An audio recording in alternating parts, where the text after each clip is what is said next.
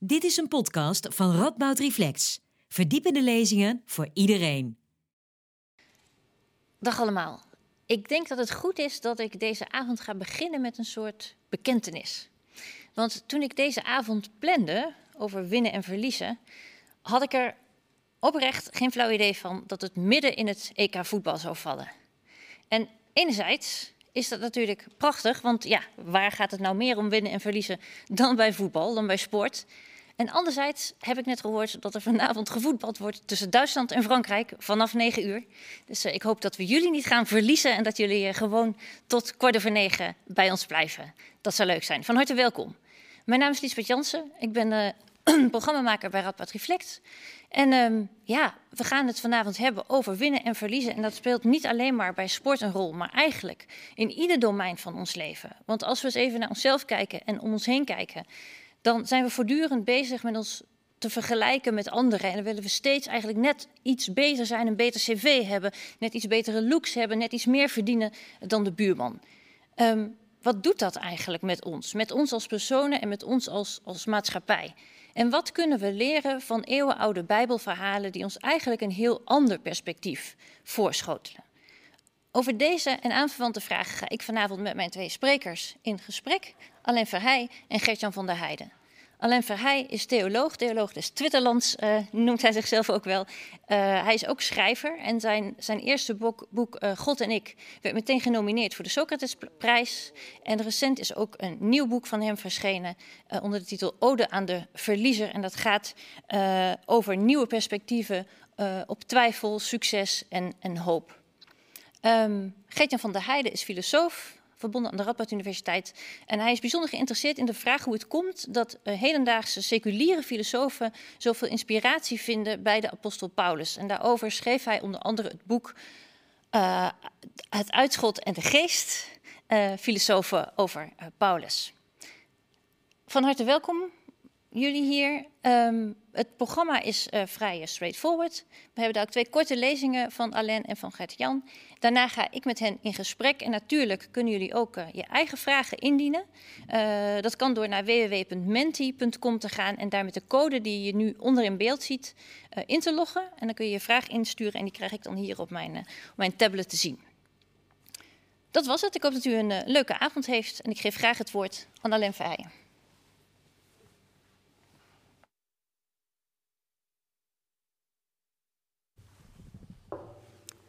Dankjewel, uh, Lisbeth. Ja, we leven in het tijdperk van de sterke man. Dat heb ik de afgelopen vijf jaar zo vaak gelezen in een politieke analyse en in columns en in duidingen van de uitslag van welke verkiezing dan ook. Tijdperk van de sterke man. We hebben in Rusland Poetin, we hebben in Turkije Erdogan. Je hebt misschien net als je voetbal hebt gekeken Orbán zien zitten op de tribune van zijn nieuwe stadion. Ja, Donald Trump. En ga zo maar een tijdje verder. Overal was de sterke man aan de macht en kwam de sterke man aan de macht de laatste jaren. En um, in de landen zoals misschien ons land, waar de sterke man niet de macht heeft, weten we wel welke sterke man er staat te popelen om alsnog die macht te pakken. Goed, dus dat las ik overal. Dat is wat deze tijd doet. En als theoloog, die vaak voorgaat in kerkdiensten, maar die ook probeert op andere plekken af en toe een Bijbelverhaal te vertellen, is het mijn missie om te kijken hoe rijmt onze tijd op de Bijbelse verhalen. Uit een heel andere tijd en uit een heel andere plaats en uit een heel andere wereld. Goed, met in mijn achterhoofd die constante, uh, ja, dat constante refreintje dat we in het tijdperk van de sterke man leven, um, ging ik naar de kerkdienst toe. En een van de kerkdiensten die je beter voorbereidt, um, dat zijn de paasdiensten. In de aanloop naar Pasen las ik mijn Bijbel nog maar eens. Um, en daar kwam ik een Jezus tegen, de hoofdpersoon van het christelijk geloof, degene die wij proberen na te leven en wiens verhaal ik overal probeer te vertellen. Jezus, misschien ken je hem wel en misschien ken je het paasverhaal wel, gaat op zijn 33ste richting een gewisse dood. Laat zich als een lammetje slachten door een hele rare coalitie van religieuze leiders, politieke overheersers en een samengebald volk. En dat zie ik dan gebeuren. Ik lees dat in die Bijbelverhalen en ik zie dat Jezus uh, een en al lijden ondergaat en dus in feite het tegenovergestelde is van die sterke man waar wij in onze cultuur zo ontzettend door geobsedeerd zijn en door geleid worden. Ik dacht, wat moet ik daar nou mee? Wat, uh, hoe kan ik dat een plekje geven? Dat contrast tussen die Bijbelse wereld en onze wereld. Ben een beetje gaan zoeken en ik kwam wel um, duidingen tegen. Bijvoorbeeld van Jordan Peterson, uh, bekende psychiater. Die schreef een stuk over Jezus in zijn boek. En zo zijn er wel meer commentatoren geweest die zeiden: ja, maar Jezus is juist ook een sterke man. Je moet behoorlijk dapper zijn om jezelf te laten kruisigen. Heel heldhaftig hoe die daar zo uh, aan dat kruis hing. Maar dat vond ik toch niet zo'n overtuigende uitleg. Want als je goed leest in dat verhaal, dan zie je dat Jezus van angst bloed zweet. Dat hij zijn vrienden vraagt of ze alsjeblieft bij hem willen blijven de hele nacht. Dat hij aan God vraagt van ja, ik weet dat het het idee is dat ik gekruisigd word, maar voor mij hoeft het niet. Kunnen we dit ook overslaan? Jezus is in dat hele paasverhaal op geen enkele manier de sterke man. Dus zal het wel de bedoeling zijn dat ik in die Bijbelverhalen die ik vertel, dacht ik, sowieso misschien die sterke man is wat vaker gaat tegenspreken, nuanceren of zelfs bespotten. En wat ik toen ben gaan doen in de zoektocht naar um, ja, winnen en verliezen, naar sterk zijn en zwak zijn en kwetsbaar zijn, uh, ben ik gewoon de Bijbel in het begin gaan openslaan om te kijken wat, wat kan ik hierover leren. Uh, heeft Jezus geestverwanten in de Bijbel? En die vond ik. Um, de belangrijkste die ik vond, dat zijn de eerste twee mensenkinderen in de Bijbel. Je kent misschien wel het korte verhaal van Adam en Eva in het paradijs. Goed, die houden het daar niet lang vol. Die worden al gauw het paradijs uitgegooid en onze wereld ingeslingerd. Waar we nu zijn. En wat ze dan doen, dat is, dan proberen ze er zelf een soort paradijs van te maken voor zichzelf. En hoe doe je dat? Allereerst door creatief te worden. Het eerste wat de mensheid doet nadat ze uit het paradijs zijn gegooid, is kinderen maken.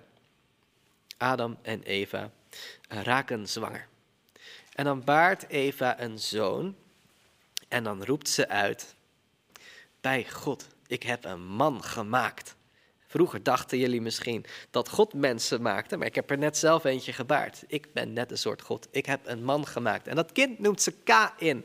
En Kain, dat betekent in het Hebreeuws uh, verwerven, fixen, het zelf regelen. Hè? Iets voor jezelf regelen, jezelf redden sterke man zijn. En Kain groeit later ook op tot sterke man, maar daar zijn we nu nog niet, want Eva komt erachter dat er nog een babytje komt. En dat babytje, zijn tweelingbroer, komt erachter aan. Hebreeuwse verteller zegt, ja, ze ging door met baren. En daar kwam Abel eruit. Zijn naam betekent zuchtje wind, ademtochtje, natte scheet. Abel is zo iemand, die ben je al vergeten voordat je hem hebt gedag gezegd, zeg maar. En zo heb je twee eerste mensenkinderen. De ene heet Kain, dat is de trotse mens, de mens die voor zichzelf kan zorgen, die geavanceerd is, misschien wel slim en knap. En je onthoudt hem en de aandacht gaat naar hem. En hij kan je volk wel leiden. En je hebt Abel, het nakomertje, degene die niet opvallend is, die nou eenmaal ook bestaat, maar meer kan je er eigenlijk niet van zeggen. Die twee broers groeien samen op bestaan natuurlijk niet voor twee individuen, maar voor twee menstypen en voor twee sporen die je kunt gaan. En dat doen ze alleen al door hun beroepskeuze. Uh, Kain wordt landbouwer, revolutionaire stap voor de mensheid. De landbouw vindt hij uit. Succesvol, hij bewerkt de aarde en hij haalt er wel wat oogst uit voor zichzelf. En Abel wordt herder, die zorgt voor zijn schaapjes. Een beetje een achtergebleven beroep in vergelijking met de succesvolle oudere broer die hij heeft. En zo groeien die samen op en het zou op zich goed kunnen gaan. Um, waren het niet dat Kain, die sowieso alle succes heeft, die alles kan en het gaat hem voor de wind, Kain erachter komt dat zijn broertje één ding heeft wat hij zelf niet heeft. En Lisbeth zei het net al, we vergelijken onszelf continu met de ander. Dat is dus al zo oud als de mensheid. Kain vergelijkt zichzelf met Abel. En hij ziet, ja, Abel is niet knapper dan ik, hij is niet sterker dan ik, hij heeft niet meer geld dan ik, hij is niet verder geëvolueerd dan ik. Uh, maar er is één ding wat Abel wat beter lijkt te kunnen en dat is godsdienst. Want, zegt dat Bijbelse verhaal, ze gaan allebei offeren en God lijkt wat meer aandacht te hebben voor het offer van Abel, het zwakkere broertje. En dat kan Kain niet uitstaan. Zijn blik wordt donker, vertelt de Bijbel. Waarna God, die geen onaantastbaar, onaanraakbaar en abstract figuur is, maar iemand die zichzelf aardig met de mensen bemoeit in die Bijbel, God komt naar Kain toe en zegt: Joh, waarom kijk je zo donker? Ik zal je het volgende vertellen. Als jij je goed gedraagt, dan is er niks aan de hand. Maak je niet druk over dat ik meer aandacht heb voor Abel. Sommige mensen hebben nou eenmaal meer aandacht nodig. En dat zijn niet de winnaars van deze wereld.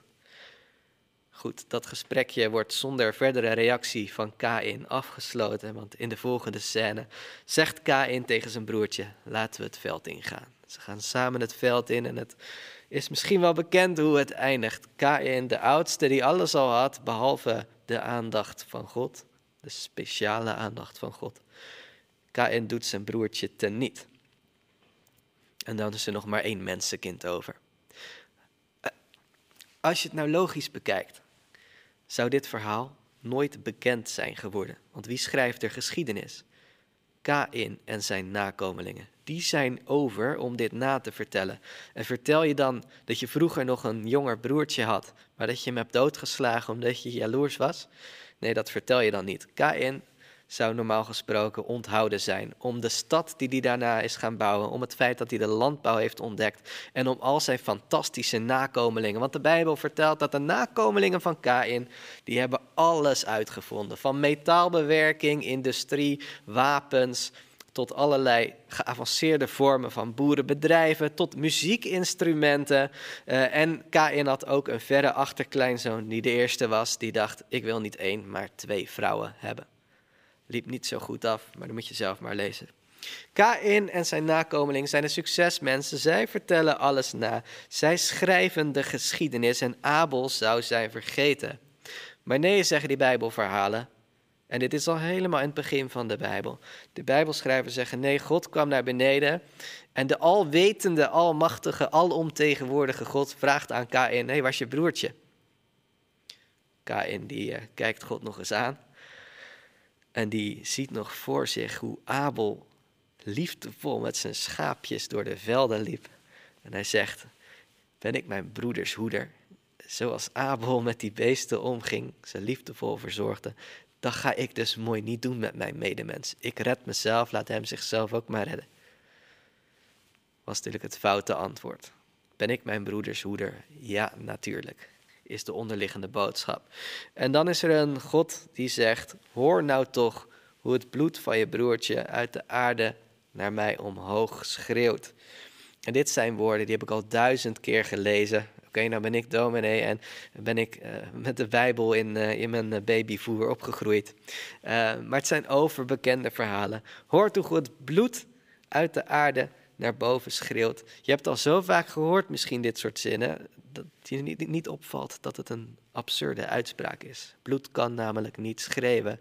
En dat is de hele pointe van dit verhaal. Het hele punt van dit verhaal is dat Abel de hoofdpersoon is in een verhaal waarin hij nooit iets heeft gezegd. Waarin hij het willoze, maar ook het stemloze slachtoffer is van het eerste geweld dat ooit is gepleegd. En van geweld dat nog altijd gepleegd wordt. Want je ziet hoe de Bijbel eindigt uiteindelijk met een Jezus die er niet beter van afkomt dan Abel. Maar, zei Jezus, het gaat er juist om dat je op die mensen let, op de Abels van de geschiedenis. Het zijn die mensen die zelf geen stem hebben, die zelf niet de kans kregen om iets te zeggen, die zichzelf niet konden redden. Die mensen zijn het die in je alternatieve geschiedenisboek terecht moeten komen. En zo bleef de Bijbel het maar doen. Ik ben gaan doorlezen en doorlezen, die hele Bijbel door, zag je constant winnaars. Maar die winnaars werden bespot. Er zijn farao's die fantastische piramidesteden laten bouwen. En de Bijbel zoomt in op het slavenvolkje dat die piramides bouwt. En niet op die prachtige monumenten die tot de zeven wereldwonderen behoren. En zo gaat het maar verder. Er is een koning met een, uh, met een ivoren paleis. En zijn buurman heeft maar één wijngaard. Maar die buurman is de hoofdpersoon en die koning wordt bespot. En zo gaat het maar door en door. En de boodschap van die Bijbel is: joh, de geschiedenisboeken staan vol met winnaars. Um, en de rijkskronieken van alle landen staan vol met winnaars. Uh, Wikipedia staat vol met winnaars. Op de timeline van je Instagram en van je Facebook en van Twitter staan alle winnaars. Degene met de meeste likes en de meeste volgers en dus de beste looks of het slimste verhaal. Die mensen, die K-ins, die regelen hun eigen podium wel. Is dat erg? Op zich niet. Prima, ga je gang. Zoals God tegen K-in zei: Joh, als jij gewoon normaal iedereen recht in de ogen kan kijken, dan is er niks aan de hand. Dan leef jij gewoon je succesvolle leven. En dat is in zichzelf niet verkeerd. Wanneer het verkeerd wordt, is als je met donkere ogen kijkt naar de verwaarloosde, naar de stemloze, naar het slachtoffer, naar degene die nooit door een algoritme omhoog zal worden gehaald, omdat hij gewoon niet goed opvallend of bijzonder genoeg is. En op diegene moeten we letten. Ja, goed, we zitten nu midden in EK, Lisbeth zei het al. Het gaat in de kranten over niks anders dan over de helden, over de grote mannen, over de winnaars, over degenen die straks die beker vasthouden. Ze zijn sterk, ze zijn mannelijk. Het is het tijdperk van de sterke man.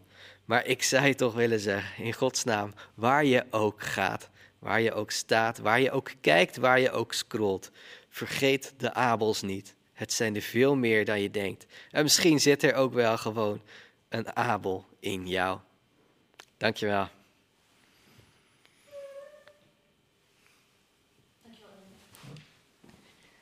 Gert-Jan is aan de beurt, maar eerst maken we nog even het katheder schoon.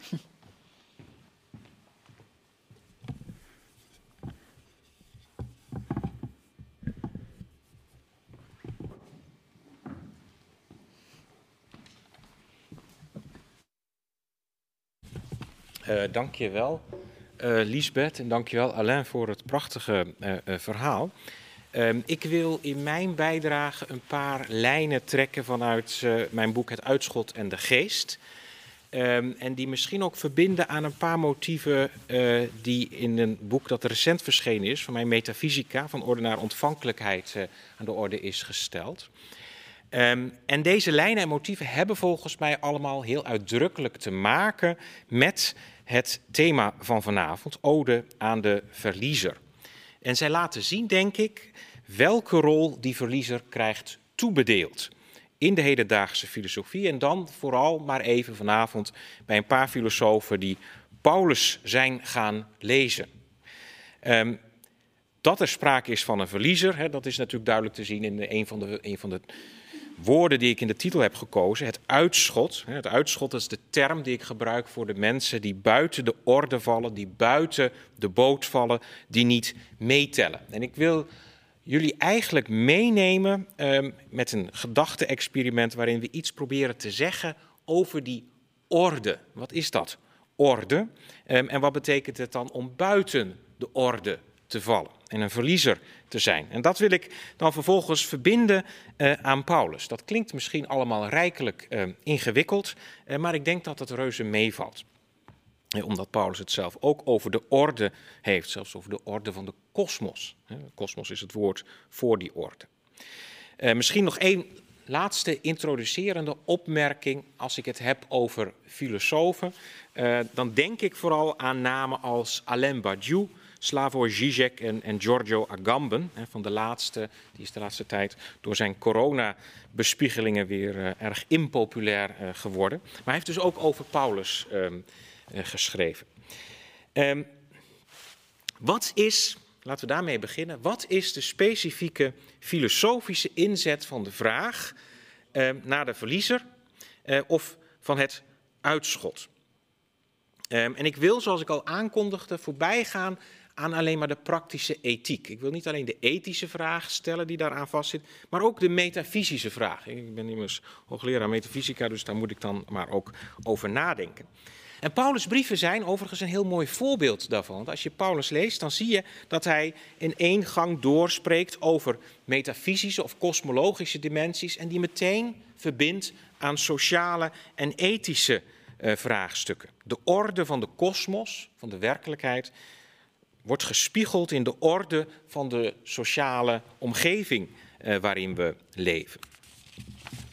Uh, deze dimensies verwijzen bij Paulus onderling naar elkaar en zijn zonder elkaar um, niet te begrijpen.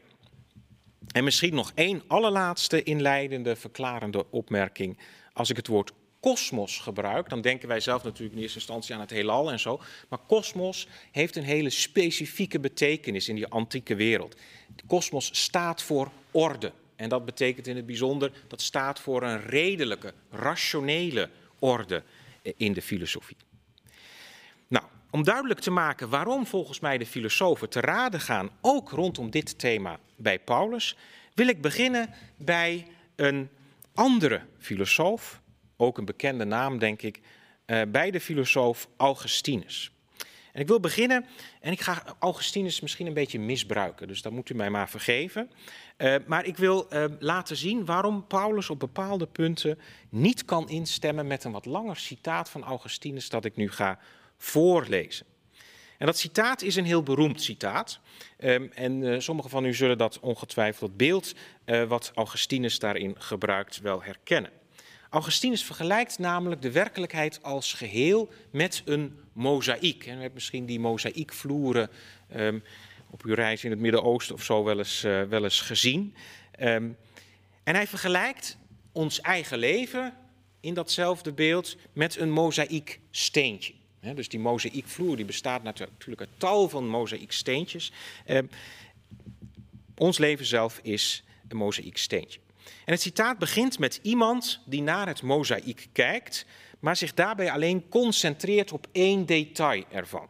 Dus je zou kunnen zeggen dat, iemand, dat is iemand die zich op één steentje concentreert, alleen maar op zijn eigen leven of op een paar steentjes, dus alleen wat direct om hem heen gebeurt um, of wat hem of haar alleen maar aangaat.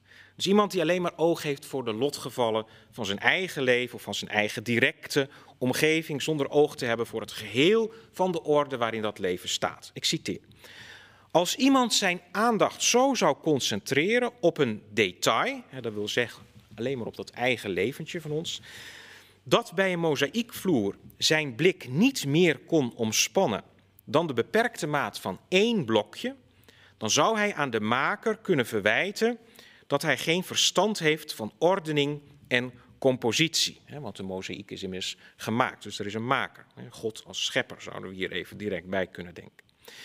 En dan ietsje verderop schrijft hij door, dat is nu precies wat minder onderlegde mensen overkomt, die met hun zwakke geest de allesomvattende onderlinge afstemming en harmonie van de dingen niet kunnen overzien en tot voorwerp van beschouwing maken.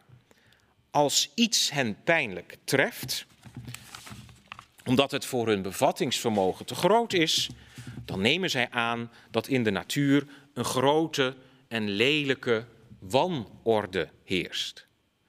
De filosofie is van oudsher een orde denken. En de filosofen, net als de natuurwetenschappers van vandaag, streven erna deze rationele orde te doorzien. Nu, daar lijkt niks mis mee, maar er zit een bepaald venijn in dat citaat van Augustinus. Hij wijst erop dat sommige mensen die bezwaar aantekenen tegen hun leven of tegen de werkelijkheid, omdat zij in hun leven geconfronteerd worden met pijn en met ongeluk, en dat komt natuurlijk in extreme mate voor bij de echte verliezers in deze wereld, dat die mensen eigenlijk niet goed nadenken over de wereld. Ze suggereren namelijk dat hun lijden een symptoom is van de wanorde die zou heersen in de kosmos. Maar hoe kan een werkelijkheid die geschapen is en bestuurd wordt door een goede en rationele God, nou in vredesnaam, wanordelijk zijn? Dus Augustinus, daar zit, daar zit het venijn in. Hij neemt um, de klacht van die mensen niet helemaal serieus, wellicht. Mensen die bezwaar aantekenen tegen het lijden en dit als onrecht ervaren, zijn volgens dit citaat mensen met een te beperkte blik. Ze overzien het geheel niet. Ze, hebben geen oog voor de kosmos als geheel. En ze zien niet in dat God met zijn schepping, met de kosmos, een prachtige mozaïekvloer heeft gelegd. Waarin alles zijn eigen redelijke en passende plaats heeft. Nu, dit beroemde citaat, dat beroemde figuur, is, eh, die beroemde figuur is maatgevend voor heel veel filosofie. Niet alleen voor Augustinus, maar we zien het bijvoorbeeld in de moderne tijd. Zie je datzelfde idee terug bij een filosoof als Leibniz, die met een vergelijkbaar argument zelfs durft te beweren dat we in de beste van alle mogelijke werelden leven. Het kan niet beter. De voorstelling van God die hierin naar voren komt, is een God van deze orde, die dus uitdrukkelijk het succes van de winnaar kiest en het verlies van het uitschot heeft ingecalculeerd. Je ziet dat bij Leibniz. Dat, Leibniz heeft een heel mooi, eh, heel mooi beeld. Hij zegt van die God, die maakt een soort van eh, afbeelding van alle mogelijke werelden. Hij heeft die als ideeën in zijn hoofd. Um, en um, dat, uh, dat krijgt, als je al die mogelijke werelden ordenen, gaat ordenen, dan krijgt dat de vorm van een piramide. Waarom? Nou, er is natuurlijk maar één wereld de beste, dat is de top van de piramide. En alle andere mogelijke werelden die zijn net iets minder en dus die zitten wat lager in die piramide. En die God die die orde gemaakt heeft, die keert steeds weer terug naar het paleis waarin, die, waarin hij die piramide heeft achtergelaten. En steeds is hij heel tevreden met zijn keuze. Dat heb ik toch goed gedaan. Ja, die orde en al dat lijden dat dan in die mogelijke wereld die ik gemaakt heb, daadwerkelijk gemaakt heb, voorkomt. Ach, dat moeten we dan maar erbij nemen. Nu, ik denk dat het tegen deze achtergrond is dat filosofen zich tot Paulus wenden. Waarom? Nou, omdat Paulus deze orde niet zomaar accepteert. En omdat de God van Paulus in bepaalde opzichten haaks lijkt te staan op de metafysische orde, eh, sorry, op de metafysische God van de orde.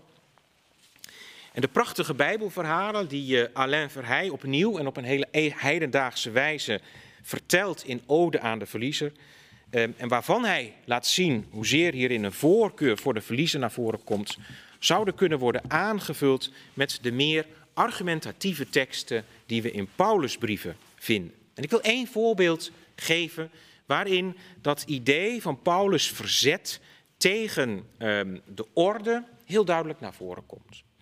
Um, en het is een voorbeeld dat bij elk van de filosofen in de discussie steeds naar voren wordt gehaald. Dus zo kun je natuurlijk even kijken als je wil weten van oké, zoals jullie weten, elke ketter heeft zijn eigen letter. Dus als je wil weten wat nou niet specifiek is voor één filosoof, maar wat al die filosofen die Paulus lezen nou interessant vinden, dan moet je gaan kijken naar welke tekstpassages ze allemaal lezen. Nou, die passage waar ik het nu over wil hebben, uit 1 Korinthe 1, dus de eerste brief aan Korinthe, het eerste hoofdstuk, ehm, daar komt dat ehm, heel mooi naar voren. En ik denk dat die passage het hart raakt van wat de filosofen sinds de jaren 90 uit Paulus naar voren eh, proberen te halen. In dat eerste hoofdstuk, nou, ik zal inzoomen op een paar versen natuurlijk, maar, maar in dat eerste hoofdstuk, en eigenlijk doorheen die hele brief trouwens, komt een hele mooie refrein naar voren. In het Grieks is dat refrein tu kosmou. We horen daar het woord kosmos uh, al in. De orde van de wereld volgens de wereld of in de ogen van de wereld, zoals dat in de Bijbelvertaling, dat toekosme ook wel vertaalt. Um, Paulus gebruikt deze uh, uitdrukking echter niet in affirmatieve zin, zoals Augustinus dat doet, maar juist om zich er tegen af te zetten. De mensen die Paulus aanschrijft in die uh, uh, brief, dat zijn mensen die hij er eerst maar eens even aan herinnert dat zij volgens de maat en de orde die geldt in de wereld, um, naar het vlees is een uitdrukking die je gebruikt, volgens de wereld is een uitdrukking die je gebruikt, niet wijs waren, niet machtig waren en niet van voorname afkomst waren. En toch, zegt Paulus, heeft God precies deze mensen gekozen en geroepen als leden van zijn gemeenschap in Korinthe dus je ziet het dwaze, het zwakke, het onbeduidende, dat wat veracht wordt en zelfs dat wat niets is. Dat is wat hij letterlijk zegt, Paulus. Tamé onta, de nietszijnden, datgene wat niet mag bestaan in de bestaande orde, dat heeft die God van Paulus uh, uitgekozen. Daar gaat zijn voorkeur of haar voorkeur naar uit. Dit staat in scherp contrast met de gedachte die in een metafysisch ordedenk op zou komen. Namelijk, de metafysische God, alwetend, almachtig, algoed, lijkt bij uitstek de God te zijn van de wijzen, machtigen en voornamen. Waarom? Zij lijken immers het meest op die God, zij staan er het dichtste bij. Um, Paulus' overwegingen doorkruisen echter die voorstelling. Uh, de God waar hij het over heeft, prefereert juist degene die in de wereld tot niets en nul gereduceerd zijn. Degene die in die wereld helemaal niet in tel uh, zijn. Goed. Hè? Daarmee heb ik dat ene woord uit de titel van mijn boek, het uitschot, eh, een beetje uitgelegd. En onze huidige samenleving kent daar natuurlijk voldoende voorbeelden van. Vluchtelingen die teruggeduwd worden. Arbeiders in Qatar die onder zulke erbarmelijke omstandigheden het grote voetbalfeest, het volgende grote voetbalfeest van de wereld moeten voorbereiden, dat ze eraan ten onder gaan en slachtoffers dichter bij huis van de toeslagenaffaire, die domweg niet in tel zijn voor het ambtelijke apparaat. Dat uitschot waar Paulus het over heeft, daar zijn makkelijk voorbeelden van te vinden. Maar Paulus' brieven doen nog iets meer. Um, zo merken de filosofen ook op. Uh, de brieven beschrijven niet alleen de verliezers. En ze zijn ook niet alleen maar pogingen om onze aandacht te richten op de verliezers en te leren hun stem uh, te horen.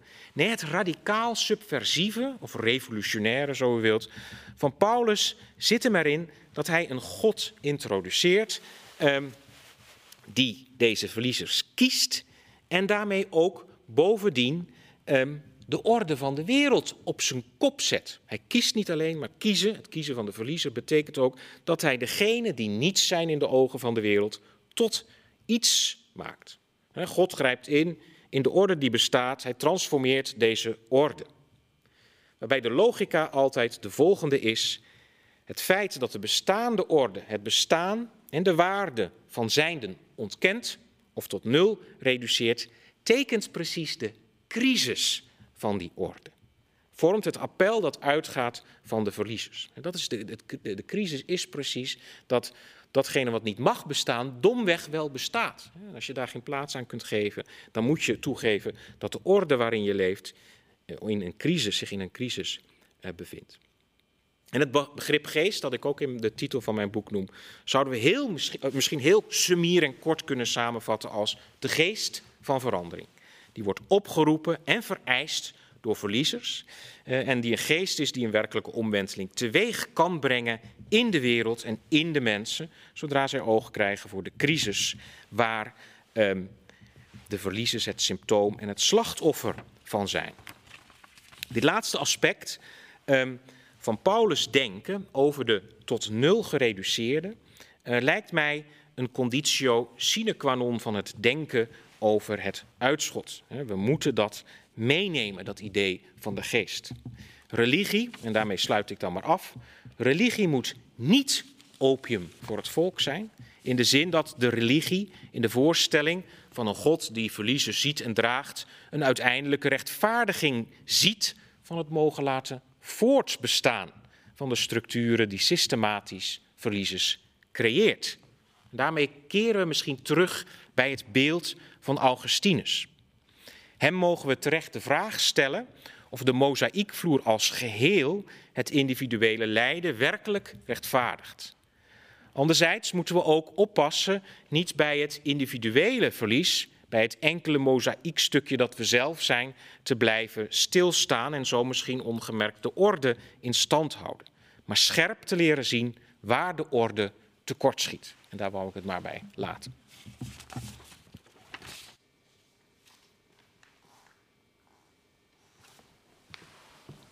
Dankjewel, Gertjan. Dankjewel allebei. Hele mooie, maar heel verschillende lezing. Maar volgens mij is het wel, gaan we hier in het gesprek een leuke uh, bruggetjes bouwen. Um, maar ik ga voor het eerst maar even gewoon de advocaat van de duivel spelen. En dan heb ik jullie allebei gehoord en denk ik prachtige verhalen. Maar ja, het is toch eigenlijk heel logisch dat we allemaal graag willen winnen. En het is toch heel logisch dat we uit zijn op uh, hè, dat het goed met ons gaat. En uh, als je kijkt naar onze cultuur, dan hebben we toch ook heel veel bereikt met ons streven naar, uh, naar, naar winnen. Om maar even zo te zeggen, naar succesvol zijn. Ja, moeten we daar dan, is dat dan per se slecht? Moeten we daar vanaf? Ja, ja ik zou, ja goed. ik zou eerst ehm, in het allereerste begin, als Kain en Abel nog, nog geen uh, conflict hebben, nog geen uitgesproken conflict, uh, zegt die, die God tegen Kain: uh, Als je goed handelt, kun je iedereen recht in de ogen kijken. Maar de zonde ligt op de loer. En dat is natuurlijk een ouderwets en impopulair woord, de zonde die op de loer ligt. Maar we hebben nu eenmaal de neiging om, als we winnen, meer te willen winnen. En dat gaat ten koste van de verliezers. Um, je kunt denk ik winnen. Je kunt succes hebben zonder slachtoffers te maken, maar dan moet er een bepaalde mate van een grens aan je succes zijn. En ik denk dat dat heel moeilijk is, omdat succes zo verslavend is. Omdat Kain, dat ene dingetje wat Abel had, uh, speciale aandacht van God, omdat het een zorgenkindje was, dat wilde hij ook nog. Uh, als hij dat niet zo ver was gegaan, had Kain kunnen bestaan. Er is niks mis met goed in je vel zitten en het lekker doen. Uh, maar wel als het te goed gaat en als het slachtoffers maakt. Ja, dus het gaat voor een deel ook over grenzen stellen aan jezelf. Ja, en als je het hebt natuurlijk over hoe onze cultuur is gegroeid, dan, nou, dan heeft dat, ik denk dat er steeds meer aandacht voor is, postkoloniale aandacht bijvoorbeeld, over waar de rijkdom uit de Gouden Eeuw en verder vandaan kwam. Mhm. En dat er dus uh, wel degelijk ook verliezers waren die we lang uit ons blikveld hebben gehouden. Ja. Zij die niet mochten bestaan. Ja. Misschien, kijk, ik denk dat het belangrijk ook is om een onderscheid te maken tussen verschillende vormen van winnen. He, dus eh, ik denk dat dat aansluit op wat, uh, wat Alain zegt. En je hebt in het, um, in het Grieks heb je het mooie onderscheid tussen agon en polymos. Um, en, en, en, agon, dat is gewoon een wedstrijd. En als je een, een, krachtmeting hebt, dan is het heel goed om te winnen. Mag je ook af en toe verliezen. Um, van een krachtmeting wordt, worden beide partijen sterker. Hè, als je aan elkaar gewaagd bent, uh, tenminste. En in die context is het niet erg um, om, te, om te winnen, denk ik. En dan hoort dat bij het spel, zo gezegd. Maar in een polymos, een soort van oorlog die uit is op de vernietiging van de ander, dan komen we in de buurt van een vorm van winnen um, uh, die niet meer acceptabel is. En, en dan kom je in, in, in een vorm van uh, winnen die gaat corresponderen met wat Paulus volgens mij aanwijst als de crisis van de bestaande orde. Hè, waar de verliezer geen enkele plek uh, meer krijgt. En zijn er dan specifieke situaties waarin juist dat polymos gaat gebeuren, waarin we daar gevoelig voor zijn, zeg maar? Nou, ik denk dat uh, die, die polymos, inderdaad, dat heeft denk ik deels te maken met het feit dat we inderdaad verslaafd kunnen raken uh, aan het winnen. Maar het heeft ook deels te maken met het feit dat we die verliezer gewoon maar niet zien of hm. niet willen zien. dus ik vind die, uh, we, zijn nu, we zitten nu in het uh, prachtige EK voetbal, en, maar in, in, Qatar wordt daar een, een voetbalfestijn voorbereid, waar we ook ongetwijfeld van zullen gaan genieten als dat plaatsvindt. Maar ondertussen heeft dat heel veel verliezers gecreëerd. En daar zit dus die polymos op de achtergrond. Hè? Ja. En daar zit een keiharde polymos. We denken dat we alleen maar een agon zien. Twee mooie teams die met elkaar aan het vechten zijn. Uh, maar we zien daar ook iets anders gebeuren. Maar wij hebben de neiging om onze ogen af te wenden. Ja. Dat hoeven we niet te zien. Laat maar zitten. Ja. En hoe komt het dat we dat doen? Ja, nou, ja dat, is een goede, dat is een goede vraag. Het is natuurlijk prettig om je te identificeren, denk ik, met, uh, uh, met, uh, met de winnaar. Dus, soms heb ik zelfs het idee dat dat iets te maken heeft met het, het, het feit dat. Waarom, waarom identificeren wij ons graag met de winnaar? Dat heeft misschien iets te maken met het feit dat mensen hoopvolle wezens zijn. Dus ze zien, ze zien de winst meer dan dat ze het verlies zien. Um, en, en dat is denk ik heel goed voor allerlei facetten van ons bestaan. Is dat denk ik iets heel houdt positiefs. Je gaande, ja. ja. het, houdt je, het houdt je gaande. Je houdt de, de moed erin. Maar het zorgt er ook voor, dat is de keerzijde van die hoopvolle neiging van ons. Zorgt er ook voor dat we geneigd zijn om dat verlies gewoon weg te duwen. Want dat past niet bij de hoop die wij willen koesteren. En dat, daar zit denk ik een probleem. Ja. En, en denken jullie ook dat zeg maar, in deze tijden van globalisering, waarin in principe het leed van de hele wereld veel meer dan, laten we zeggen, twintig jaar geleden, toch op je beeldscherm zou kunnen, kunnen verschijnen als je het wil zien, dat ons dat, dat, dat, dat, dat, dat ook ertoe leidt dat we er eigenlijk moeilijker mee om kunnen gaan, omdat het zo veel en zo dichtbij kan komen? Ja, ik denk dat een van de grote problemen is dat ja, in mijn hoofd passen geloof ik 80 mensen. Nou, niet in mijn hoofd, daar passen er meer, maar in mijn hart passen geloof ik 80 mensen. Mhm. We hebben heel lang als mensheid in zulke kleine groepen geleefd. En met die 80 kun je meeleven en daar Ja. voel je heel erg mee. Maar die 6500 in Qatar eh, eh, niet. Lijken bovendien niet zo erg op mij. Ik had ze niet kunnen zijn. Ehm, dus je hebt een empathiegat te vullen. Ik zie dat als een belangrijk deel van mijn werk. En ik denk ook dat ehm, eh, religie en filosofie en kunst, dat zijn allemaal vehikels om je empathie uit te rekken. Want als je wereldburger bent, en dat zijn we nou eenmaal, hè, je bent geboren in verbinding met mensen over de hele wereld. Die hebben ook de kleding gemaakt die je draagt, ehm, alleen al. En de Ja. technologie waarmee we nu eh, deze uitzending mogelijk maken. Dan ben je dus verbonden met die mensen. Dus je moet, je staat in relatie tot ze. En tegelijkertijd past het niet in mijn kop. Hè, Ik kan mijn eh, 2000 Facebook-contacten al helemaal niet, eh, niet bijhouden. Ja. Daar is een probleem en daar, en daar zie ik een taak in, een uitdaging. Ja, want tegelijkertijd, als je kijkt naar de, naar de huidige politiek, en jij had het al over, over de sterke man, maar er zijn natuurlijk allerlei van dit soort bewegingen die juist zeggen: dit, dit, dit moet allemaal uit mijn beeldveld en wij gaan die. eh, eh, ja, de, de verliezers, die gaan we, die hoeven, daar hoeven we ook eigenlijk helemaal niks mee. Want kijk, we hoeven goed wij het zelf doen. Ja, ik, en ik denk ook dat als het gaat over die eh, geglobaliseerde wereld, ja, wat betekent dat? Wat, wat is er precies globaal geworden? ja, Goederen kunnen goed vervoerd worden Ja. en wij kunnen goed reizen, wij het rijke Westen. Ehm, maar ik denk tegelijkertijd dat die globalisering niet betekent dat wij echt goed in beeld Mhm. krijgen eh, wat daar speelt. Hè. Dus je ziet dat, eh, ook als je, als je kijkt wat er in de media aan, vaak aan de orde wordt gesteld, dat zijn vaak hele kleine zaken. Terwijl het grote leed, dat blijft op de achtergrond. En, dat, en daar zit, daar zit denk Kun je daar een voorbeeld van geven? Van wat voor jou het kleine en het grote leed dan is? Nou ja, wat voor mij, ja, het kleine leed, dat is altijd, daar moet je een beetje mee oppassen. Dat je, maar wat, wat, voor- wat voor mij het grote leed is, op dit moment, is bijvoorbeeld wat er aan de grenzen van Europa gebeurt met de vluchtelingen. Dat vind ik, dat is ronduit een grote schande eh, voor, eh, voor Europa. Maar wij, we hobbelen gewoon een beetje door en we, we, discussiëren met voortdurend en kwebbelen met voortdurend- ophef over van alles en nog wat. Hè, ook op, op, op Twitter enzovoort. Maar ehm, eh, deze hele zware eh, gebeurtenissen, die laten we als het ware van ons afglijden. En als, stel je voor dat we Paulus nu even naar eh, 2021 zouden kunnen beamen. Hè? En hij wist dit van die vluchteling. Hoe zou hij, wat zou hij tegen ons zeggen? Nou, ik denk dat hij op een bepaalde manier zijn, eh, zijn, eh, zijn pleidooi zou kunnen herhalen. Mm. Hè, door, te, door te laten zien dat er een fundamentele crisis is. Oké, hè, dus wij, wij zijn Europa, wij pretenderen beschaafd te zijn. Oké, kijk maar eens aan je grenzen, wat er gebeurt. Ja. Ja, en wat je misschien in je boek ook laat zien, is dat Paulus zich zo met die groepen vereenzelvigde, eh, ja, vereenzelvigde dat hij er waarschijnlijk eh, heen zou zijn gegaan. Eh, om daar een gemeenschap te starten. Eh, denk je niet? Ja, dat, dat zou heel goed kunnen. Ja.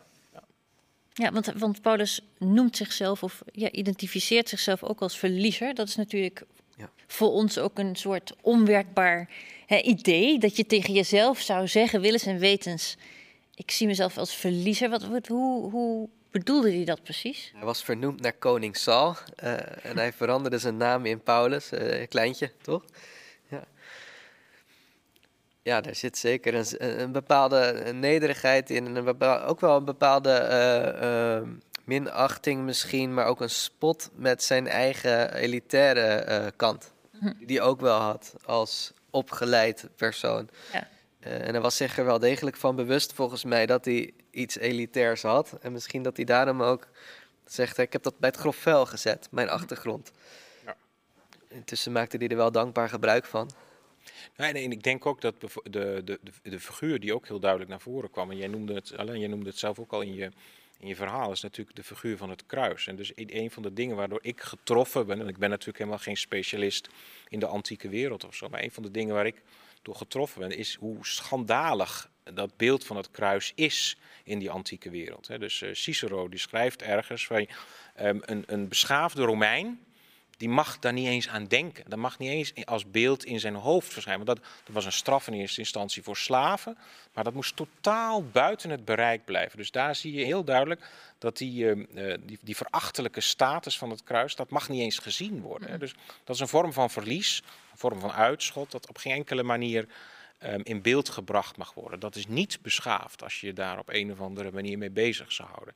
En Paulus die gaat natuurlijk enorm tekeer door dat naar voren te halen. Ja. Dat is uh, zeer subversief, uh, denk ik. Ja. Er waren natuurlijk heel veel kruisigingen. Um, langs de kant van de weg, denk ik. Hè? Maar toch moest het, hè, daar heb je het ook weer over de spanning tussen mag het bestaan en mag het niet bestaan. Ben ik mijn broeders hoeder? Nee, laat ze daar hangen. Ja. En ik ben hier. Ja, en, en, dat werkte zo lang door dat uh, op mijn opa zijn graf, die is afgelopen jaar begraven, daar staat er nog: In het kruis zal ik eeuwig roemen. Dat slaat nergens op die zin. Kruis is een schande. Maar als je daar eeuwig in roemt, ja, dat is die omdraaiing van de maatschappelijke orde. Ja, ja. ja. ja eh, ik zit even te denken aan uh, natuurlijk het, het, het kritiek punt van, van Nietzsche, om maar even een van de belangrijkste ja. critici waarschijnlijk van, uh, van, van Paulus en zijn gedachtegoed te noemen. Die zegt eigenlijk zoiets, ik ben geen Nietzsche-kenner, maar ik vat het even in uh, eigen woorden samen. Die zegt zoiets als, ja, maar door Paulus zijn wij in een soort cultuur terecht geraakt uh, waarin het eigenlijk slecht is om te winnen. We moeten ons daar zoveel mogelijk van distancieren en eigenlijk zijn we in een soort van slavenmoraal waarin we ons nederig opstellen en waarin, zeg maar, succes ja, eigenlijk een beetje een vies woord is. Eh, jij bent natuurlijk een Paulus-kenner, je kent ongetwijfeld deze kritiek. Wat, wat vind je daarvan? Heeft hij een punt? Ja, misschien eerst even aansluiten bij wat, uh, wat Alain net zei. Hè. Van Paulus is erin geslaagd om klaarblijkelijk van dat kruis ineens iets moois of, of iets waar je bij wilt horen te mm -hmm, maken. Mm -hmm. dat, is een, dat is een omweertung aller. Dat ja. is een herwaardering van alle waarden. Dus ik denk dat als je uh, Nietzsche over Paulus leest, dat zeg ik altijd als eerste, je moet denk eerst goed beseffen um, dat, dat Paulus voor Nietzsche een, een tegenstander is. -hmm. Um, omdat, niet, of dat Paulus voor elkaar heeft gekregen wat Nietzsche misschien inmiddels wel, maar op, op dat moment bij leven, toen hij over Paulus schreef, nog niet uh, voor elkaar heeft gekregen. Namelijk inderdaad zo'n culturele herwaardering van alle waarden uh, te voltrekken. He, dus, dus, dus Paulus is iemand die in een zekere zin precies gedaan heeft uh, wat Nietzsche ook voorstaat. En, en, en dan kun je vervolgens de vraag stellen: van ja, maar misschien moeten we dan Nietzsche in eerste instantie plaatsen in zijn specifieke Lutheraanse context, waarin hij leefde daar in de, in de 19e eeuw. En, en moet daar niet ook wat, moest daar niet juist iets in veranderen?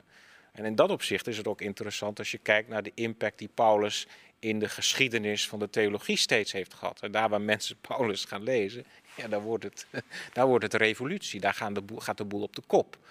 Um, dus ik zie daar op een bepaalde manier ook heel sterke verwantschappen, waar Nietzsche natuurlijk niks van, uh, niks van wil weten. Mm. Ja, ja. Waarom wilde Nietzsche daar niks van weten?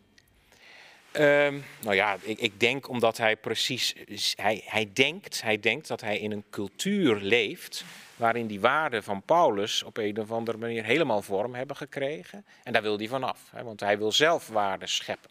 Ja, dus uh, wat Paulus heeft gedaan, waarden scheppen, dat wil hij vervolgens ook uh, gaan doen. Ja. Dus daar zit, daar zit dat verzet. Maar ik denk ook, dus als, als, als ik dan inga op de, um, uh, op de vraag die jij stelt hè, over dat winnen, van mogen we nog wel winnen van Paulus enzovoorts. Ook daar denk ik dat het bij Nietzsche ook interessant is om goed te kijken naar het verschil tussen uh, Polymos en Agon. dus, dus Nietzsche is e evident een liefhebber van de Agon. Dat zijn twee vormen van strijd, ja, hè? Die, die ja, sorry, ja, die twee ja. vormen van strijd. En Agon is de, de, de, de strijd waar je zelf sterker van wordt, omdat je een tegenstander hebt die zich met jou kan meten. Ja. Krijg Duitsland. Hè? nee, maar dat is, nee, maar dat is en, en daar zit natuurlijk een, een duidelijke waardering van, van Nietzsche. Um, maar ik, ik denk niet dat, volgens mij heeft Paulus het daar niet echt over. Mm. Ja, dus, um, uh, nou ja, goed, laten we daar even bij, bij, bij houden. Ja. Ja, en misschien waar Nietzsche dan bang voor was, of waar critici bang voor zijn, is dat je een soort uh, vernietigende obsessie met verliezen krijgt. Mm -hmm. dus dat je een fetish krijgt voor uh, alles wat zielig en zwak is. Uh, en ik ben wel eh, bereid om toe te geven dat in, in, in, de christelijke traditie waar ik uitkom, dat zoiets misschien wel heeft bestaan. Uh, je ziet ook wel eens tv-programma's, uh, daar zijn ze nu steeds meer van afgestapt, waar je poverty porn ziet. En dat, dat, zijn dan de arme kindjes die in beeld worden gebracht en er vergapen worden ze aan. En, oh, wat erg. En, en, en waar wij dan als rijke witte mensen even de, de ja, we, helpen. En we hebben zelfs een traantje en dat vinden we heel interessant van onszelf, dat wij huilen om dat leed dat we mm. zien. Uh, daar kan een soort rare, uh, dat kan een soort rare uh, fetischerende werking hebben misschien. Um, maar dat, dan is dan weer denk ik niet hoe die verhalen zijn bedoeld. Het is uiteindelijk niet de bedoeling dat je naar beneden kijkt en zegt, ja, blijf daar maar liggen. Of je zelf mm. ook wanhopig gaat liggen. Het is de bedoeling dat er... Um, uh, dat, dat die gewonde wordt opgericht. Die Bijbel heeft aan het einde een lam dat gewond is, uh, maar wel op een troon zit. Dan heb je dus niet dat het lijden wordt opgeheven. Die littekens zitten er nog. Het is nog steeds een weerloos schepsel. Uh, maar het zit wel op een troon. Dus er wordt een spannend spel gespeeld met winnen en verliezen. En uiteindelijk wordt vooral het verschil tussen de winnaar en de verliezer wordt ongedaan gemaakt. Ja, ja, het is ook interessant wat je zegt van die littekens blijven bestaan. Dus het hoeft niet allemaal netjes en glad gestreken en weggepoetst. Nee. Er hoeft niet, hè, de ellende hoeft misschien niet in zoverre, nou ja, niet uit beeld te verdwijnen. Nee, nee. Het hoeft ook niet helemaal omgekeerd te zijn. Dat zie je misschien op Twitter, waar ik woon. Uh, zie je dat de K-in zou dan op een gegeven moment... We zoeken gewoon elke dag één K-in en die trappen we net zo lang neer. Tot, ja, ja, ja. ja, we, zijn, nu met duizend abels en we gaan K-in terugpakken. ja. En morgen een ander. Ja, uh, ik denk dat dat voorbeeld wat je nu geeft, dat sluit op een bepaalde manier aan, denk ik, bij hoe Nietzsche Paulus analyseert. Ja. Dus dus hij zal het beschrijven in termen van een slavenmoraal. Mhm. Maar dat is uiteindelijk volgens hem ook gewoon een machtsstrijd. Hè. De slaaf probeert hier de macht te, uh, te grijpen via allerlei slinkse, slinkse wegen. Dus je zou kunnen zeggen wat, wat volgens Nietzsche gebeurt, is dat die slaaf toch bezig is om lekker toch ook te winnen dus die slaaf die zegt, oh ja, maar ik ben de verliezer en ook kijk nou eens hoe zielig ik ben enzovoort. Nee, zegt Nietzsche, je bent eigenlijk nu bezig met een, een strijd om te gaan winnen. Mhm. Nou, en kijk maar, Paulus is succesvol geweest in de, in de westerse cultuur, dus nou ja. Dus ze hebben, zo hebben ze dan heel slinks de overwinning binnengehaald. Dat is heel kort gezegd, kort door de bocht gezegd, hoe Nietzsche dat analyseert. Ja. Oh, en daar, daar zit natuurlijk wel wat in. Mhm. Als je met een gouden kruisbeeld in je hand ten strijde trekt tegen andersdenkenden om ze aan je te onderwerpen, uh, dan heb je die boodschap van die gekruisigden niet begrepen. Ja. Um, dus wat dat betreft denk ik dat er um, kritiek valt uh, te beoefenen, uit te oefenen op, op wat er is gebeurd met deze boodschap. Maar dat komt omdat die K in, in ons zit. Het verlangen om te winnen zit in ons. Um, dus we zullen altijd deel hebben aan dat verhaal van die kruisiging en aan die schande. En we zullen altijd aan de goede kant willen staan. Ja. Uh, je hebt het niet in één keer door. Nee. Het is, het is, een blijvende oefening om naar dat schandaal terug te keren. Ja. ja. En de juiste plek te zoeken. Ja. Ja, en als we nog even teruggaan naar, naar hè, wat jij ook in je lezing zei van de Bijbel gaat eigenlijk in vrijwel alle verhalen gaat het over de verliezer. Het gaat natuurlijk ook over de winnaar, maar de, de, de focus ligt op de, de verliezer. Daar wordt naar omgekeken. Toen dacht ik, god, er zijn toch ook genoeg verhalen waarin uiteindelijk waarin het om de winnaar gaat. Uh, denk aan al die verhalen waarin het volk van Israël, uh, nou ja, Jericho bijvoorbeeld, hè, of waarin het andere volken overwint, of David en Goliath. Oké, David is de kleine, maar toch, hij wint en de, de, de, de focus ligt op hem. Ja. Is, is het, hoe zie je dat? Is de winnaar toch ook wel ergens een, een ja, Mag die er ook zijn? Nou, ik denk dat zelfs binnen de Bijbel, de Bijbel is uh, geschreven uh, door mensen die heel erg vol waren van de geest van die verliezer, denk ik, die ik net, hè, dat uiteindelijk toewerkt naar een ander koninkrijk waar de, uh, waar de zwakke niet een weerloos slachtoffer hoeft te blijven. Mhm. Maar er zit tegelijkertijd altijd de verleiding in om te zeggen, um, goh, die koning Salomo, die was, die was rijk. Mhm. Wat een, uh, ja, eh, god, die, die, die strijd hebben we toch maar goed gewonnen. Ik denk als je inzoomt in die verhalen, zie je altijd dat er een raar spel wordt gespeeld met de winnaars en verliezers. Um, bijvoorbeeld veel, veel gevechten die Israël wint, in dat, uh, en, die winnen ze bijvoorbeeld zonder wapens. Dat is het verhaal van Jericho wat je vertelt. Mm dat is een strijd die zonder wapens wordt gewonnen. Dus dan heb je toch alweer een spel met winnen en verliezen met geweld en geweldloosheid. Uh, dus er zit altijd een twist in die verhalen, maar tegelijkertijd zit er een verleiding. Die Bijbelschrijvers hebben toch ook altijd nog het verlangen om ergens een roemrijke geschiedenis uh, van hun volk te vertellen. Maar het mag steeds niet. Uh, en die spanning zie je denk ik wel terug. Dat ja, dat is misschien wel mooi, omdat dat is natuurlijk heel erg herkenbaar bij iedereen. Die spanning tussen enerzijds willen winnen en tegelijkertijd ja. denken... we moeten toch ook oog hebben voor de bootvluchtelingen... voor de, hè, de bouwvakkers in Qatar enzovoort. Ja. Dat dat niet zo gemakkelijk... Ja, dat je misschien ook niet kunt en misschien ook wel niet hoeft te kiezen. En, en, ik denk dat wat, wat er gebeurt is ook een beetje vergelijkbaar met, met, met Paulus in een heel aantal van die verhalen. Dus voortdurend ook het terugverwijzen van ja, we zijn zelf vreemdelingen geweest in een vreemd land. Mhm. Dus heb respect voor de vreemde. Mhm. Dus, dus de, de, vreemde is dan in eerste instantie degene die nieuw thuis moet, moet vinden. En die niet van verzekerd is dat hij dat in die nieuwe omgeving ook, ook kan krijgen. En daar wordt heel duidelijk aandacht voor gegeven. Van, vergis je niet, je was zelf ja. vreemdelingen. Daar kom je vandaan. Dus ook die, diezelfde beweging van die identificatie uh, met het vreemde. Ook al heb je dan misschien nu een eigen, uh, een eigen vertrouwde omgeving waar je, waar je goed kunt leven, vergeet niet waar je vandaan komt. Mm -hmm. dat, dat, dat, dat, appel zit ook, vind ik, vrij sterk in, in een heel aantal van die verhalen. Ja, ja. ja het is een refrein in de Torah inderdaad. Ja, ja absoluut. En weer die empathie is dat. Ja, ja, misschien, misschien is dat, daaraan gerefereerd ook de vraag van... Goh, kunnen wij eigenlijk wel in het Westen met al onze welvaart en met al onze kennis... En als we het over kunnen we ons eigenlijk überhaupt wel indenken in die positie? Oftewel, kunnen we eigenlijk wel een verliezer zijn? Zijn we niet gewoon, staan we niet gewoon al soort van... Hè, met onze geboorte staan we al op 100-0 uh, voorsprong uh, ten opzichte van heel veel andere mensen? Dus dat, dat geeft misschien ook al meteen een soort gevoel van weerstand. Van ja, maar, ja, maar ik kan het ook niks aan doen dat ik hier geboren ben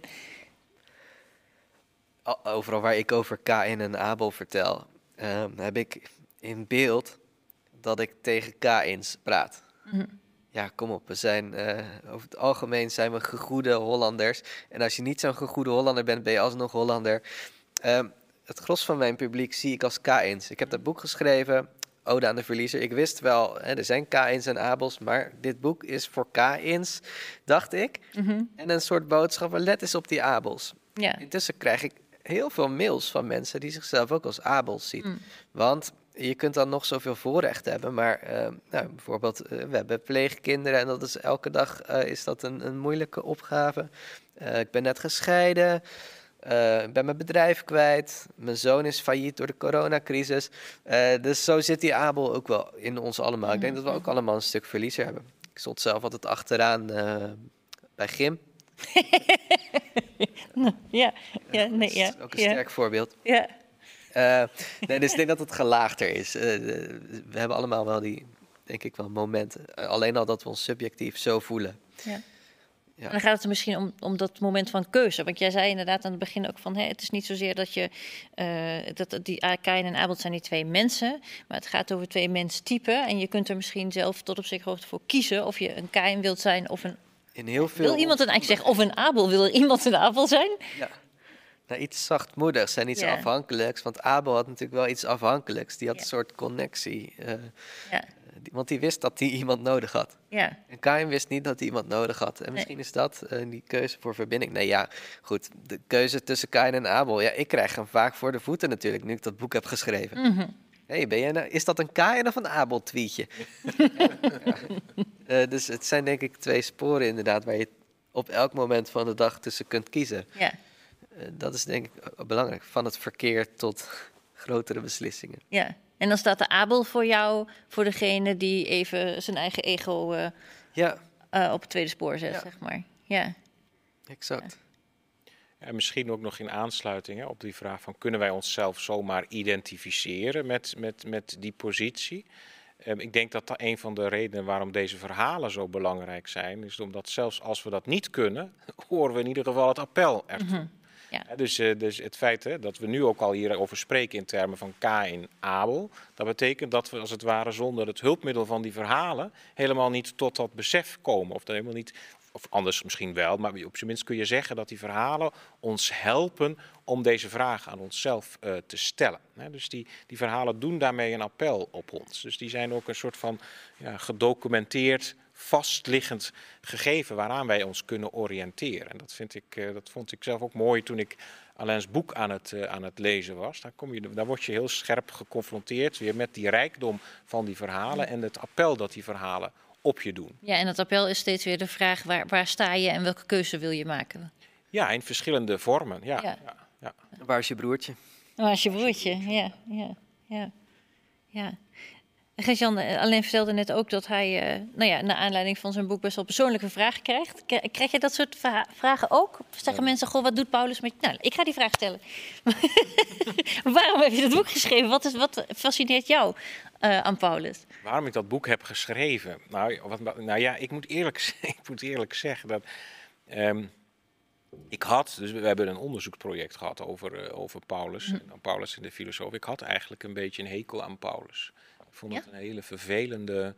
Ja, misschien ook omdat ik zelf, ik heb niet zo'n revolutionaire aard van mijzelf en zo. Dus nee, er zat, het stuitte mij een beetje tegen de borst altijd. Zijn, zijn, zijn het is nogal stellig en, ja, uh, ja. driftig. en driftig. Ja, nee, en, en, dus, maar wat mij vervolgens um, uh, greep is toch, ja, dat zeg ik dan als filosoof, maar toch de filosofische kracht. Mm -hmm. dus uh, als je het in gesprek brengt met, uh, met filosofen, als je Paulus eh, benadert als eh, een gesprekspartner, bijvoorbeeld van de antieke wijsbegeerte, dan ga je Paulus niet meer geïsoleerd zien hè, als de man die het christendom heeft gesticht in feite. Mhm. Maar dat, dan, dan leer je hem zien als iemand die in communicatie is met die antieke wereld. En dan gebeurt er iets heel spannends. Dan, voor mij kwam er daardoor een Paulus uh, naar voren met, uh, met, met een bepaalde denkkracht. Mm -hmm. Dus echt als een denker kwam hij naar voren, wat mij betreft. Zoals ik hem daarvoor niet zo had gezien. Misschien dat ik hem daarvoor eerder als, in de, in, als een dogmaticus in de slechte zin van het woord ja. of zo ja.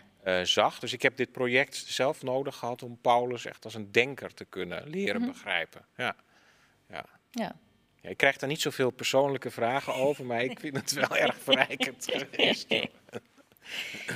Uh, ik wil graag zo naar de publieksvragen. Ik zag net dat er nog niet zoveel zijn. Dus als u een vraag in wilt dienen, dan doe dat vooral. De code van Mentimeter is, als het goed is, nog steeds uh, in beeld. Um, maar ik had zelf ook nog een vraag. Um, ja, misschien toch maar even naar voetbal. Uh, en dan naar de wedstrijd Denemarken-Finland.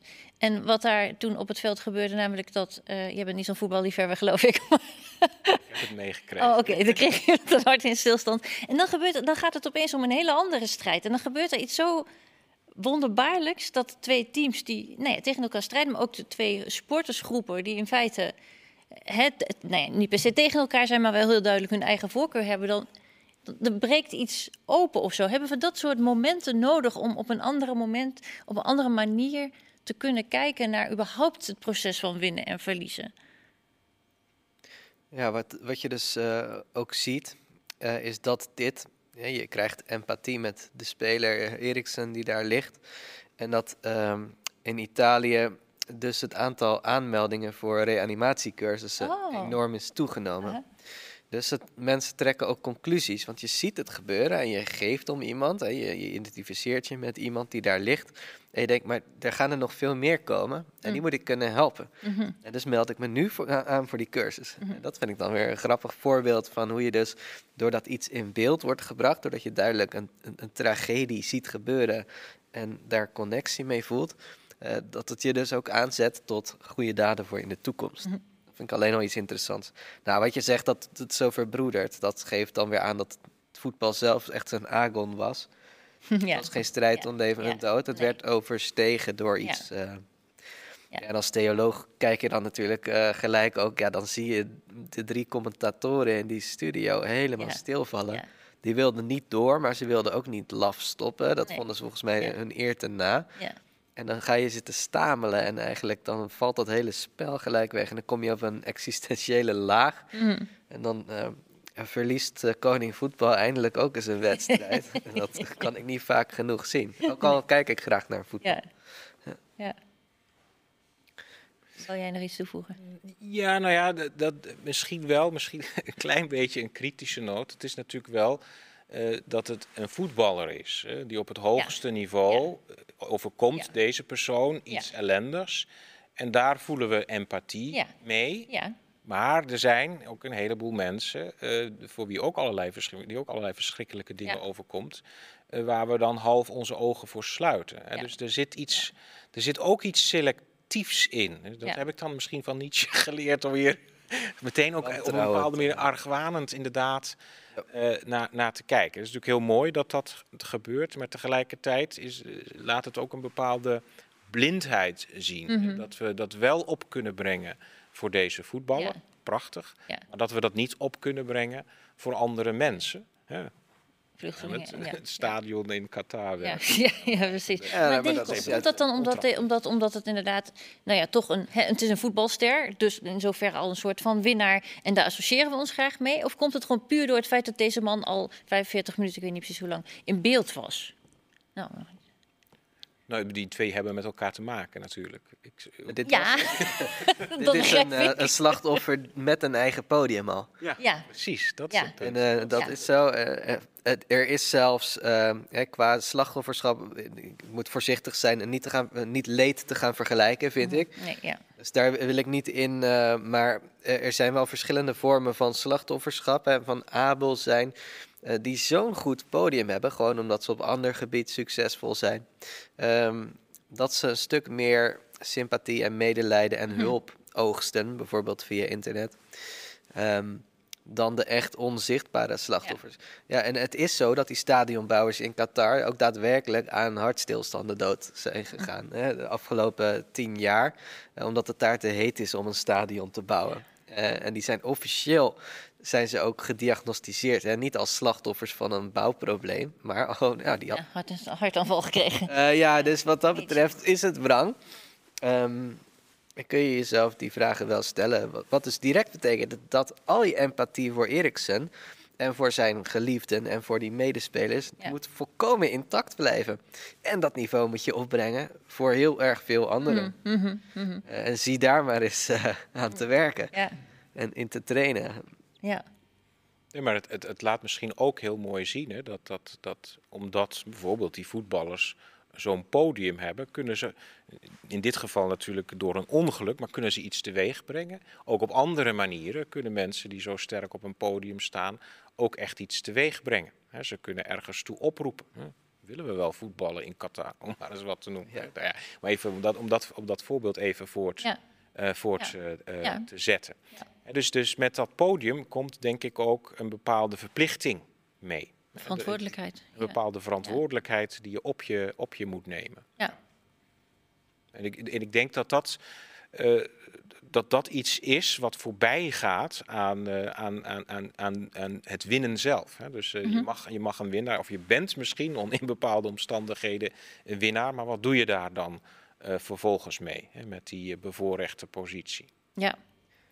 Ja, ik denk wel dat de voetbalwereld is ook een beetje een macho-wereld. En binnen die wereld kun je best veel betekenen door kwetsbaarheid eh, te laten zien. Ook voor al die andere eh, mannen voor wie je een rolmodel bent. Kijk, Ibrahimovic die kreeg eh, corona een jaar geleden. En die zei zoiets van, nou ja, corona heeft Ibrahimovic gekregen.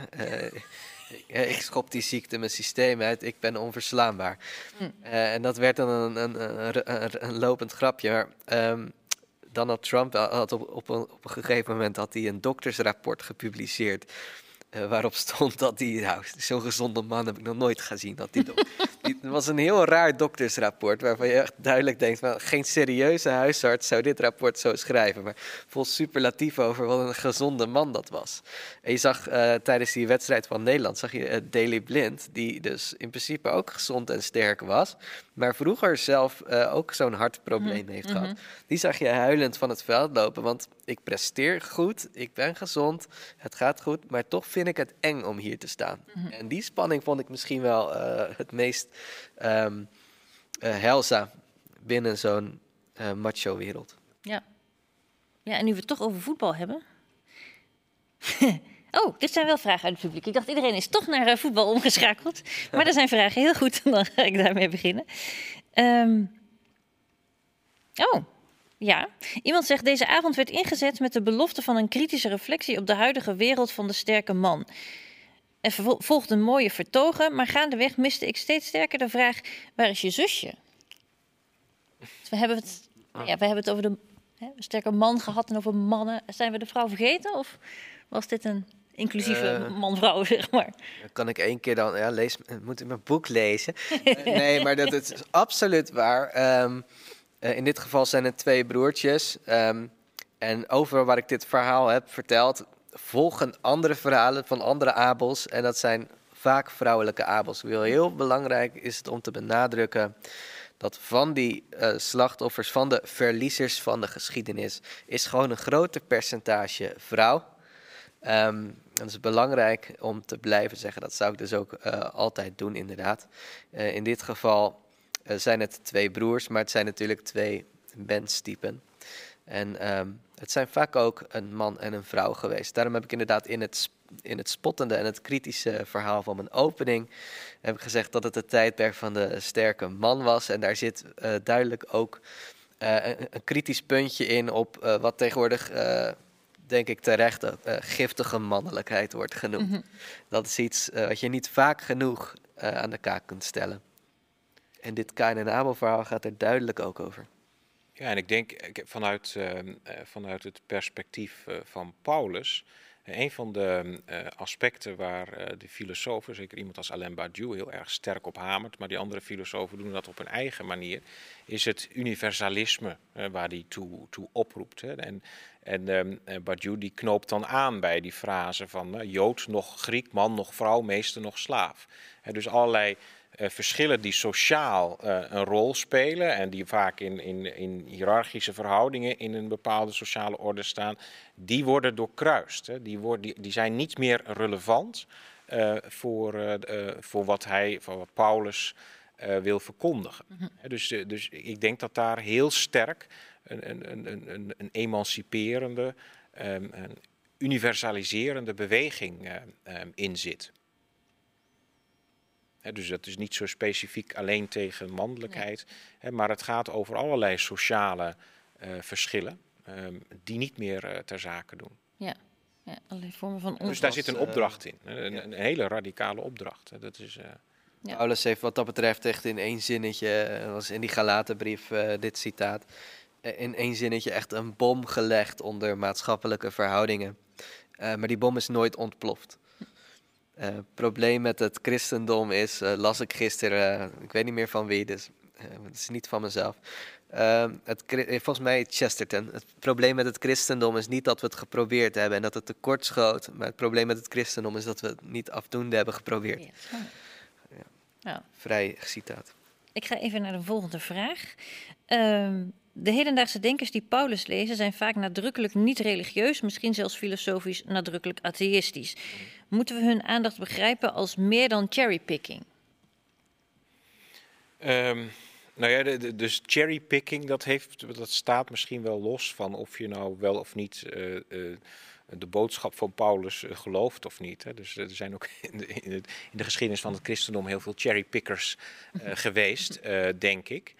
Eh, maar ik, ik denk toch dat als je ehm, eh, die brieven van Paulus leest, ehm, en dan zeker eh, hele belangrijke brieven zoals die eerste Korinthebrief of de Romeinenbrief, eh, dat deze seculiere lezers echt iets gevonden hebben wat heel dicht aansluit bij wat, wat, Paulus, wat Paulus wil. Wat is dat? Eh, nou, we hadden het net al over die universaliserende eh, tendens. Hè, dus dat er een, een hele sterke ja, emancipatieagenda uit Paulus te halen is, als je dat serieus neemt. En dat komt voort uit zijn radicale vereenzelviging met het uitschot. Dus omdat hij zichzelf identificeert met het allerlaagste en daarmee ook laat zien van dat allerlaagste mag er zijn. En dan nog in extremere mate ziet hij dat in de figuur van Christus, waar hij het voortdurend over heeft. Daar vertelt hij niks over het leven van, van Jezus, maar alleen maar die, die kruisdood en de opstanding. Dat is, dat is van cruciaal belang om aan te geven dat allerlaagste, dat hoeft niet laag te blijven. Dus die kruisdood, dat is niet het einde. En, en, en, en die, die beweging, dat er zo'n radicale transformatie mogelijk is, van dood naar leven, ehm, dat pakken die filosofen precies op. Ja. En, zij, en zij wijzen erop van ja, kijk, eh, ik, ik, zo zeggen zij dat ongeveer. Ik weet niet helemaal zeker of ik wel uh, geloof in het opstaan van een lichaam. Maar als je Paulus goed, goed uh, zie, leest, dan zie je dat hij het niet alleen maar heeft over iemand die uit de doden opstaat. Maar dat hij ook tegelijkertijd tegen zijn gemeenteleden zegt: ja, wij zijn met hem opgestaan. Maar ze waren nog niet eens dood geweest. dus dat betekent dat dat niet alleen maar gaat over een fysieke, opstanding. Maar dat, gaat, dat betekent dat het echt over iets iets in, in, onze eigen, in ons eigen gedrag, in onze eigen levenshouding, uh, uh, zoiets betreft. Ja. En dat pakken zij heel sterk op. Ja, ja ik denk als, als gelovig theoloog heb ik Gert-Jans boek gelezen en had ik ook het idee, kijk, um, Paulus zou zich natuurlijk sowieso geërgerd hebben over iedereen die over zijn uh, brieven schrijft. Of, het nou, uh, of het nou niet religieuze filosofen zijn of, of dominees vandaag de dag. Maar ik had wel het gevoel dat de filosofie ook Paulus een beetje kan teruggeven aan degene die al hun leven lang Paulus lezen. En dat het soms ook andersom is. Hè? Bijvoorbeeld als je naar een revolutie verlangt uh, zou Paulus het niet accepteren dat je dat zonder de voorwaarden Christus en God zou kunnen proberen, want dan krijg je sociale programma's. Uh, dus daar er zit natuurlijk wel een spanning tussen uiteindelijk de diepgelovige Jood um, uh, Paulus en een hedendaagse filosoof die zijn tekst uh, vanuit atheïsme probeert te beschouwen. Maar goed, dat cherrypicking, daar hebben we allemaal last van. Mm. Ik denk dat het het gesprek wel verrijkt. Ik ga nog heel even, want we zouden hier verder vast nog over door kunnen praten. Maar ik heb nog eens één vraag die ik graag nog eh, aan jullie wil stellen. En dan, het is kwart over, dus graag een heel kort antwoord. maar hij is leuk, dus ik stel hem toch nog even. Uh, iemand zegt, het is duidelijk dat God vraagt om om te zien naar de zwakken, naar de stemlozen. Wat is volgens jullie de beloning daarvoor? Toch niet alleen dat we de Bijbelse wijsheid volgen. Wat is de beloning voor onze, ons andere gedrag, ons omzien naar de zwakken? Of gaat het niet om beloning? Een nieuwe wereld. Ja, dat wil ik. Een nieuwe schepping. Ik wou het heel, Paul, heel ja. Paulijns. Uh, ja. Wat is dat dan? Ook nog even in drie woorden. Waar, waar, wat zijn de kenmerken van die nieuwe wereld? Um, er, is, um, iedereen komt tot zijn of haar recht. En je zult zien dat uh, daar moeten veel mensen, veel kains wat voor inleveren. Maar dat zal een prijs zijn die je met plezier betaalt. Um, voor het feit dat er meer glimlachen zijn. En dat is een, uh, misschien een beetje een platgeslagen versie van wat je zou kunnen noemen het koninkrijk van God. Mm. Waarvan, uh, waarvan ze dan zeggen: Het is al begonnen, maar ja. het is nog niet helemaal nee. klaar. Ja. Wil jij daar nog iets aan toevoegen? Ik, ik sluit mij daarbij aan. En als, aan. Jij kan het nog heel metafysisch zeggen. Agamben, een van die filosofen, die zegt... Ja, het zijnde wil zijn eigen mogelijkheden vinden. Daar gaat die nieuwe schepping over. Dat, dat wil zeggen dat elk bestaand mens, laten we het daar maar even toe beperken... op een of andere manier tot bloei kan komen. Dat er bestaansruimte is voor, uh, voor iedereen... om datgene wat hij of zij kan en wil doen, om daar vorm aan te geven. En, en dat ook met elkaar natuurlijk. Daar zit, uh, ja. Volgens mij zijn dit hele mooie wijze woorden om deze avond mee te besluiten. En ook opgevende woorden. En daar zijn we misschien in deze tijden ook wel naar op zoek. Beste mensen, dank jullie wel dat jullie er waren. Um, ik wil heel graag een applaus thuis voor uw beeldscherm. voor Alain Vrij en Gertjan van der Heijden. En uh, ik wens u nog heel veel plezier bij uh, Duitsland-Frankrijk. Graag tot de volgende keer.